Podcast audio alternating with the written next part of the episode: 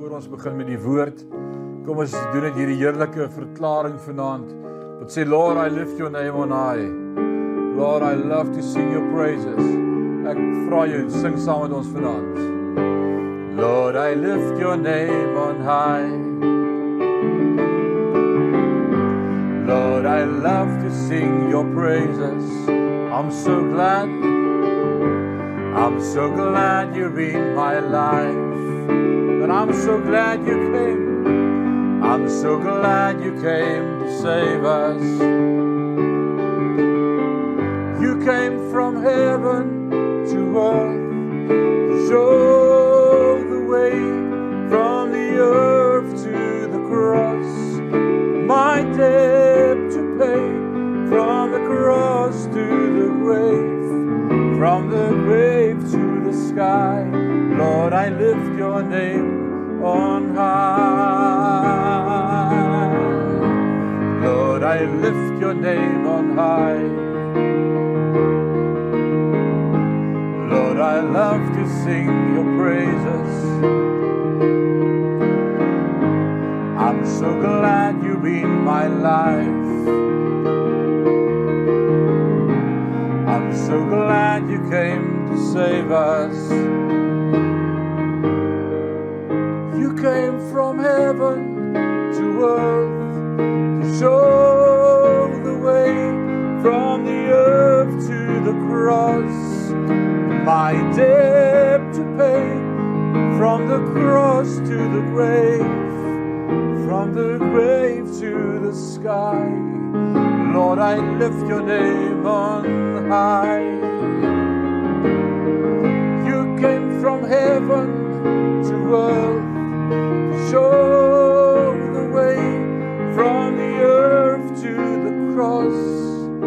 My debt to pay from the cross to the grave, from the grave to the sky. Lord, I lift your name on high. Lord, I lift your name on high.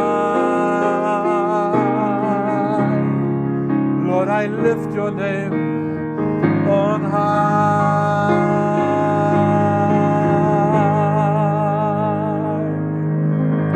Halleluja. Gee hom 'n oomblik lof en aanbid hom vanaand want hy's groot en die prys wat hy vir ons betaal het is awesome. Ons loof U koning. Word verheerlik is ons gebed in Jesus naam. Amen en amen. Goeiedag. Baie dankie dat jy vandag saam kuier met Sion. Voordat ons ons gedagte bietjie op die woord van die Here gaan vestig, kom ons bid net 'n oomblik saam.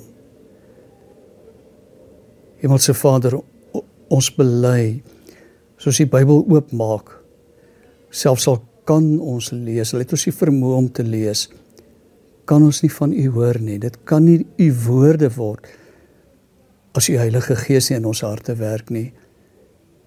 En dis ons gebed. Breek vanmôre U woord oop dat dit ons voed en versterk en nuwe rigting gee in Jesus se naam. Amen. As jy so 'n ellendige korttermyn geheue soos ek het dan dan is daar iets wat jy dalk ook dikwels vir mense wil vra as jy hulle raakloop. En wie op aarde is jy nou weer? Nou ek wil vanoggend die die vraag vra, wie's jy? Ons leef mos nou in 'n voel goed kultuur. Wat vir jou sê en dit is dikwels Christensielkundiges wat ook in daardie koor saam sing. Jy moet leer om jouself lief te hê soos jy jou naaste liefhet sodat jy 'n goeie selfbeeld kan hê. Is dit reg wat Jesus gesê het? Matteus 22. Dis waarna dit verwys, vers 37. Jesus antwoord hom. Dis nou die disipel die die die fariseer wat hom vra wat waaroor gaan dit in die wet en die gebooie? Jesus antwoord hom: Jy moet die Here jou God lief hê met jou hele hart, met jou hele siel en met jou hele verstand. Dis die grootste en die eerste gebod en die tweede wat hiermee gelyk staan, jy moet jou naaste lief hê soos jouself. Hierdie twee gebooie is die hele wet en die profete saamgevat. Luister mooi, jy moet jou naaste lief hê. Dis die opdrag. En dit word dan vergelyk met soos wat jy jouself liefhet. Jy sien, selfliefde is natuurlik. Ons hoef dit nie aan te leer nie.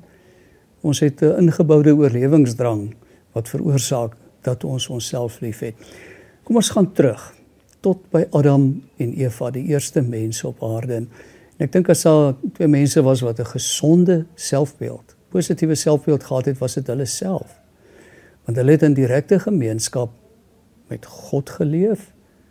Hulle het gedoen wat goed is, want hulle is na sy beeld gemaak en hy is goed. Hulle het geen skuld gehad nie. Totdat hulle soos God wil wees.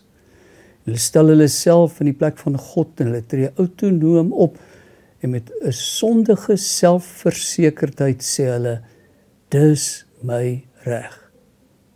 En dan dan gaan hulle oë oop. sien hulle raak dat hulle naak en vol skuldgevoelens is.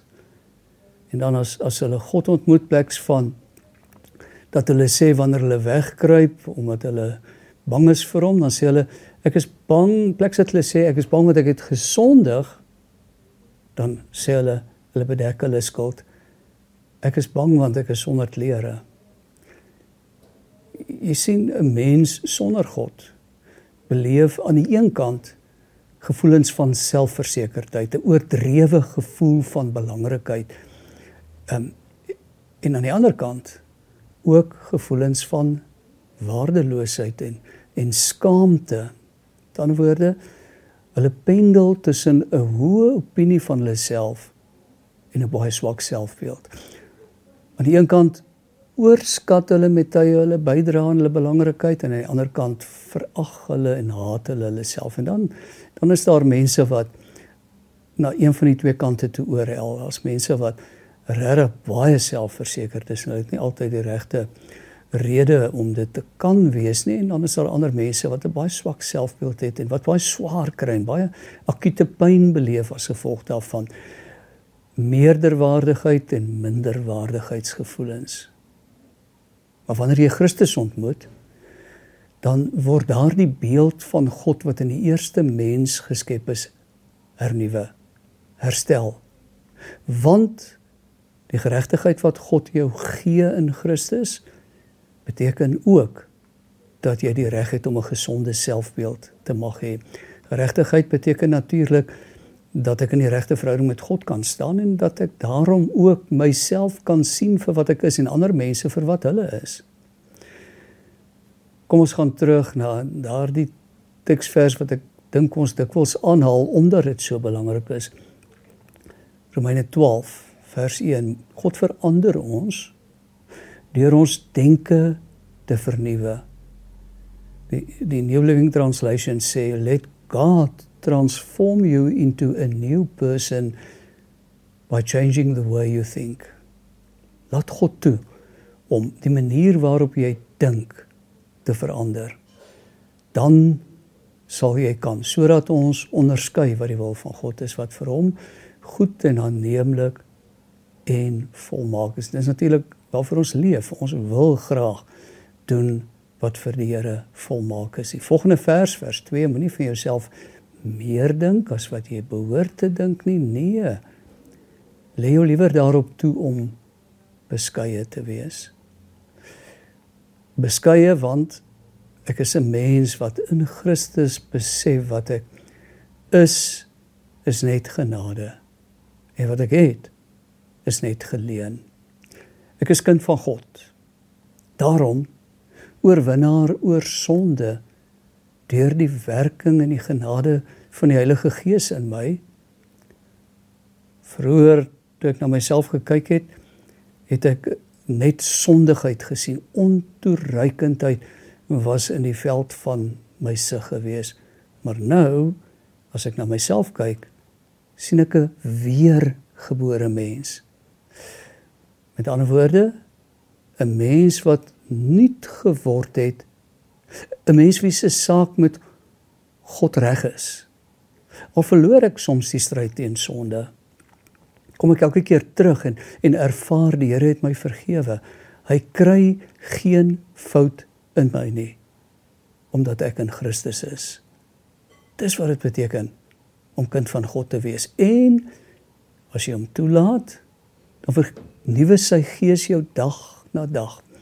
Onthou hoe die New Living Translation dit vertaal, let God transform you into a new person by changing the way you think. Dit gebeur soms dat ek toegee aan die neiging om ongehoorsaam te wees en, en my eie ding te doen. Ek stel myself soms te leer, maar ek bly steeds oorwinnaar.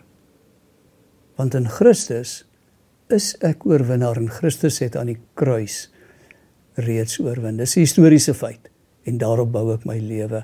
Nou lewe ons in die Gees.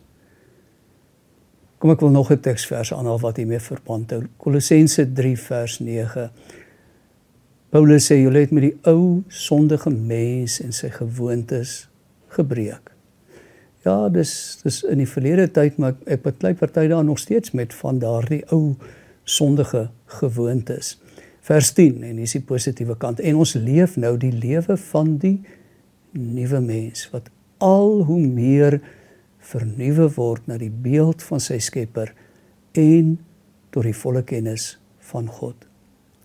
sien jy dat geloof in Christus nie net jou verhouding met God herstel nie, maar ook jou verhouding met jouself. Jy kyk met nuwe oë na jouself.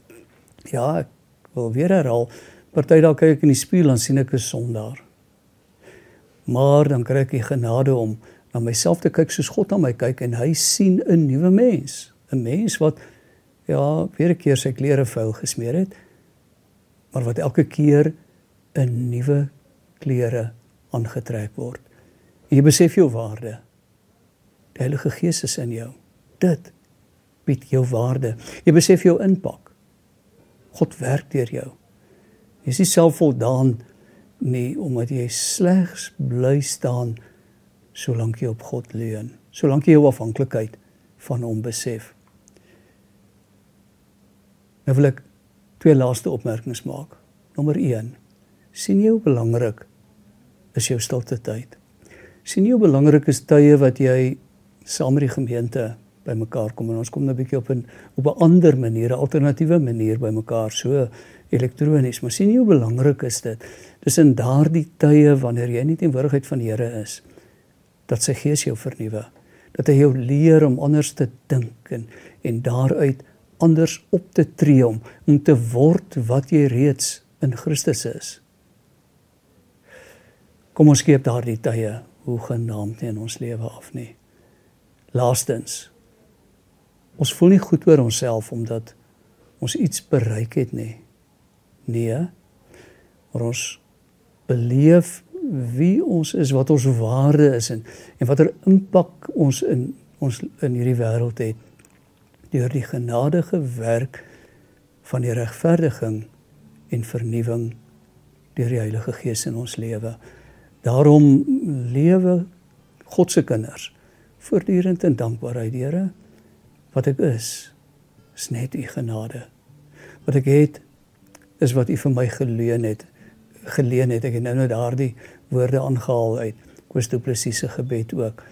Dis net genade en ek eer u daarvoor. Ek lewe my lewe in dankbaarheid voor u en ek word wat u bedoel het ek moet wees.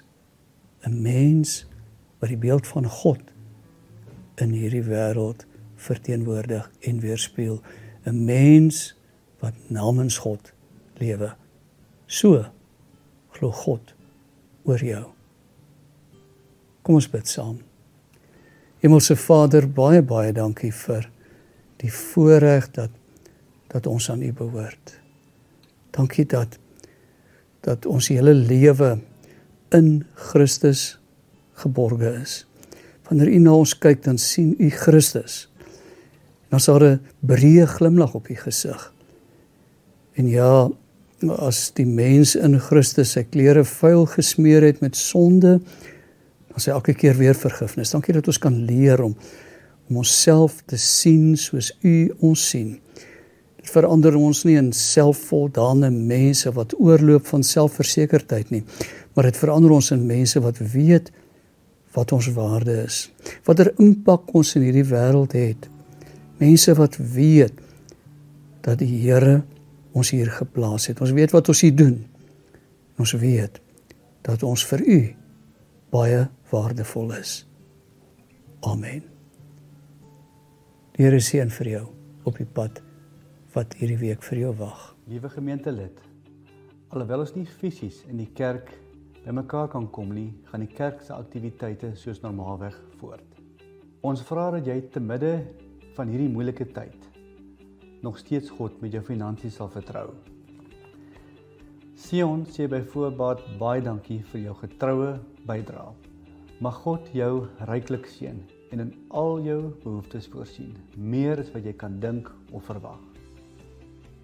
Onthou van ons verskillende maniere om te kan gee. Eerstens, direkte inbetaling in ons FNB bankrekening deur middel van 'n EFT. Nog 'n maklike opsie is om die Zapper toepassing op jou slimfoon te gebruik. Laai die toepassing op jou foon af, scan die barcode wat op ons Facebook bladsy beskikbaar is en sien daar.